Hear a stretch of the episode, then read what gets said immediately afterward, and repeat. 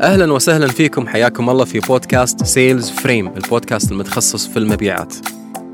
الحلقة هذه مخصصة حق الشركات. ليش؟ لأن وايد نسمع من الشركات يبون يطورون مهارات البيع أو الخطط اللي يسوونها علشان فريق المبيعات عندهم يبيع بأفضل نتائج. تطوير المبيعات في جانبين، في استراتيجية وفي مهارة. يعني يا أما نطور الاستراتيجية عشان نزيد مبيعاتنا يا أما نطور مهارات البيع عند فريق المبيعات عشان يكونون قادرين يطبقون الخطط والاستراتيجيات. طبعا الاثنين عبارة عن جزء لا يتجزأ من بعض، بس خلونا الحين في جانب المهارات اللي يختص في كل مشروع أو في كل شركة إن لازم في فريق المبيعات يتم تدريبهم على أفضل وأحدث مهارات وأساليب البيع.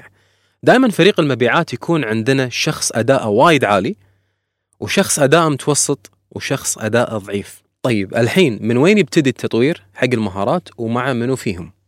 أنا بعطيكم 15 ثانية تفكرون. من وين يبتدي التطوير في مهارات البيع؟ ومع منو؟ من أعضاء الفريق. هل نبتدي مع الأفضل في الأداء؟ ولا اللي أدائهم متوسط؟ ولا اللي أدائهم ضعيف؟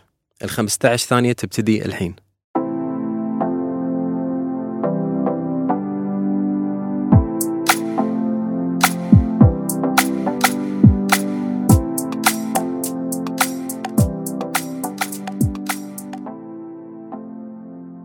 انتهت ال 15 ثانية.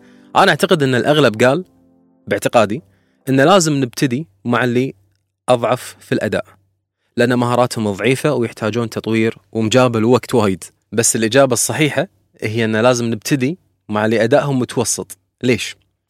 اللي أدائهم عالي على افتراض أن يحققون من 90 إلى 95% من التارجت اللي هو هدف المبيعات. أول شيء هذه الفئة عندها المهارات الكافية أن يبيعون ويحافظون على أدائهم فأي زيادة وضغط من ناحية التطوير والتدريب راح يستهلك من طاقتهم ووقتهم وايد وممكن يأثر على فرص تضيع منهم في السوق. والنتائج راح تكون وايد بسيطة ما راح تفرق كثير عن ال target. يعني من ال target اللي تم تحقيقه بنسبة 95 إلى 96% مثلا ممكن يصير من 97 إلى 98% الحين هل هذا شيء جيد؟ إي نعم أكيد. ولكن تخيلوا معي أن الفئة اللي أدائهم متوسط يحققون من 60 ل 65% من ال target الشهري. هذه الفئة بذلوا جهد وايد كبير عشان يوصلون حق هالأرقام. ومو هذه الأرقام اللي نبيها والفئة هذه إذا دخلوا في برنامج للتطوير والتدريب حق المبيعات لمهاراتهم أقصد راح تفرق معاهم النتيجة بشكل وايد كبير. طبعا إذا كان البرنامج مكثف وتم تطبيق كل المهارات بشكل فعال راح يشوفون في فرق بالأداء من 60 إلى 85% معناتها صار في فرق بالعوائد بشكل وايد كبير. لأن هذه الفئة اللي كانت نفس ما نقول في عنق الزجاجة أدائهم جيد وأقرب إلى الجيد جدا أو الممتاز فيحتاجون هالوقت والمجهود من التطوير. اللي أدائهم ضعيف غالبا ما يطولون في الشركة وهذا اللي يسمونه turnover يعني في مجموعة من ال sales people اللي هم أعضاء فريق المبيعات يدخلون الشركة أدائهم ممكن يكون ضعيف ويطلعون ويروحون حق أماكن ثانية ويون غيرهم ويطلعون ويون غيرهم وتتكرر ويطول هذا السيناريو. طيب السؤال ليش ما تكون الفئة اللي أدائها ضعيف من ضمن البرنامج المكثف عشان تطوير مهارات البيع وراح تزيد مهاراتهم في البيع؟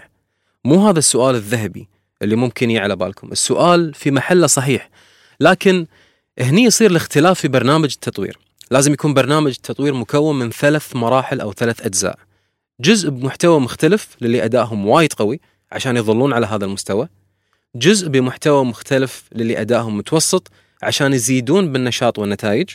وجزء بمحتوى مختلف للي أدائهم ضعيف عشان يتحسن أدائهم مع الوقت.